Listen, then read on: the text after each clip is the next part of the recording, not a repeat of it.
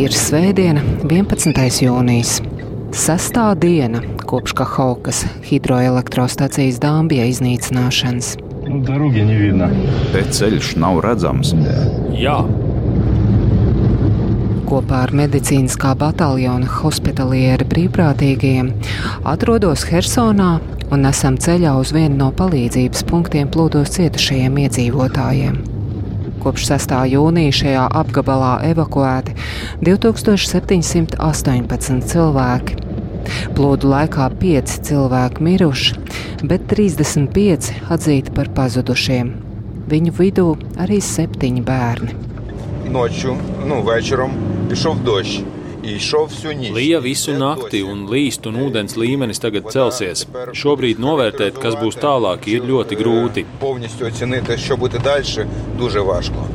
Zem ūdens Helsinas apgabalā joprojām atrodas 77 km2 teritorijas ar 46 apdzīvotām vietām gan Ukrāņu, gan arī Krievijas kontrolētajās teritorijās.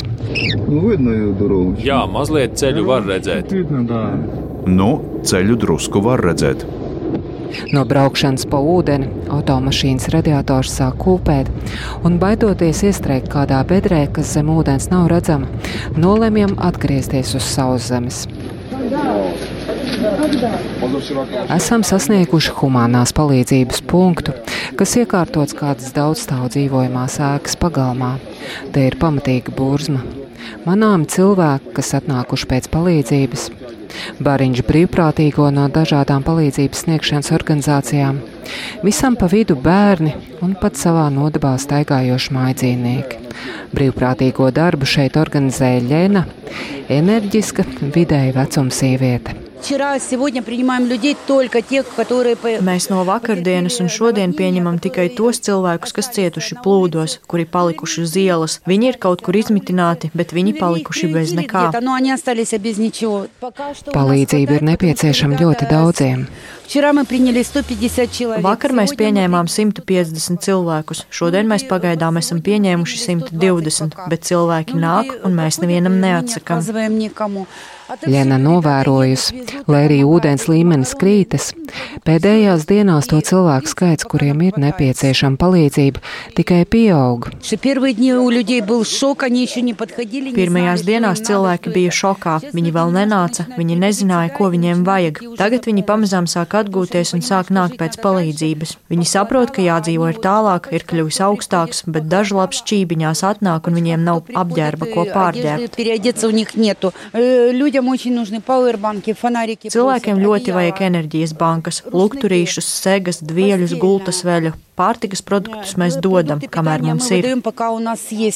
Palīdzība tiek piegādāta no Kīivas, Černihivas, Harkivas, Žitomirs un daudzām citām vietām.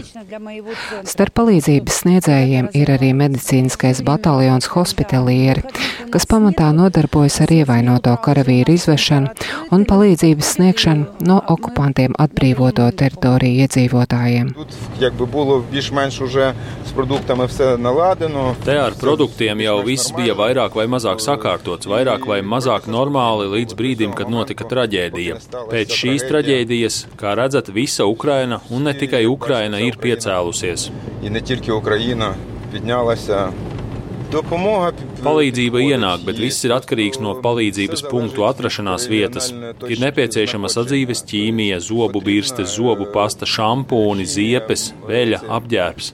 Cilvēki ir pazaudējuši praktiski visu un var teikt, ka sāk tagad no nulles. Kā tieši tas ir? To stāsta Ļuba un Īra.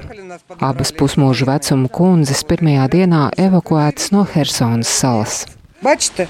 Skatieties, tas ir viss, kas man ir. Kleita, jaciņa un lietusargs. Lietusargs ir svešs, jaka arī sveša, bet sarafāns ir mans. Čības arī svešas, jo manas izjuka. Ļuba evakuēsies lielā steigā neilgi pēc tam, kad ūdens līmenis viņas trešā stāva dzīvoklī uzkāpis viņai apmēram līdz viduklim. Savukārt daži viņas kaimiņi no ēkas augšējiem stāviem izvēlējušies palikt. Vecīši negrib braukt prom. Septītais, astotais stāvs sēž un saka, mēs te paliksim. Nu, ko tu viņiem izdarīsi? Kamēr Ļubai bija piedāvāts evakuēties, Ņepras otrā krastā, Krievijas armijas kontrolētajos Oleškos, iedzīvotājiem nav bijusi pieejama nekāda palīdzība.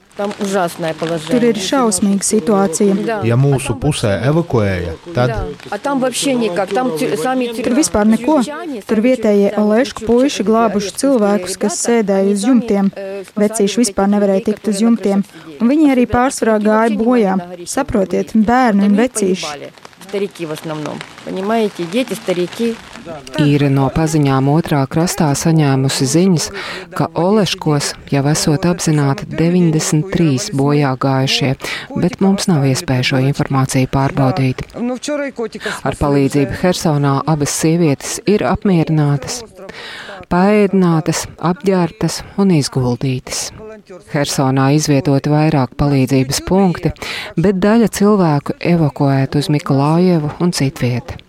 Ļuba un Ira atteikušās tik tālu braukt prom. Mēs plānojam atgriezties mājās, tik līdz būs iespējams. Kā tikko, tā uzreiz uz māju. Karavīri nelaiž, jo tur var būt mīnas. Vakar divi cilvēki gāja bojā kara beļķenes lejā. Viņi taču tur visu laiku šauja, visu laiku salu apšauda. Abas ir apņēmības pilnas pārdzīvot visas grūtības un visu izpostīto atjaunot. Es jums teikšu tā, bombardēja mūs, šāva uz mums. Mūsu mājā trāpīja pats pirmais šāviens. Mēs visu pārdzīvojām un pārdzīvosim arī šo. Pārdzīvosim, pārdzīvosim visu. Нас бьют, а мы выживаем. Mūs sit, bet mēs izdzīvojam. Par spīti visiem viņiem. Indra Sprānce, Latvijas radio no Helsonas.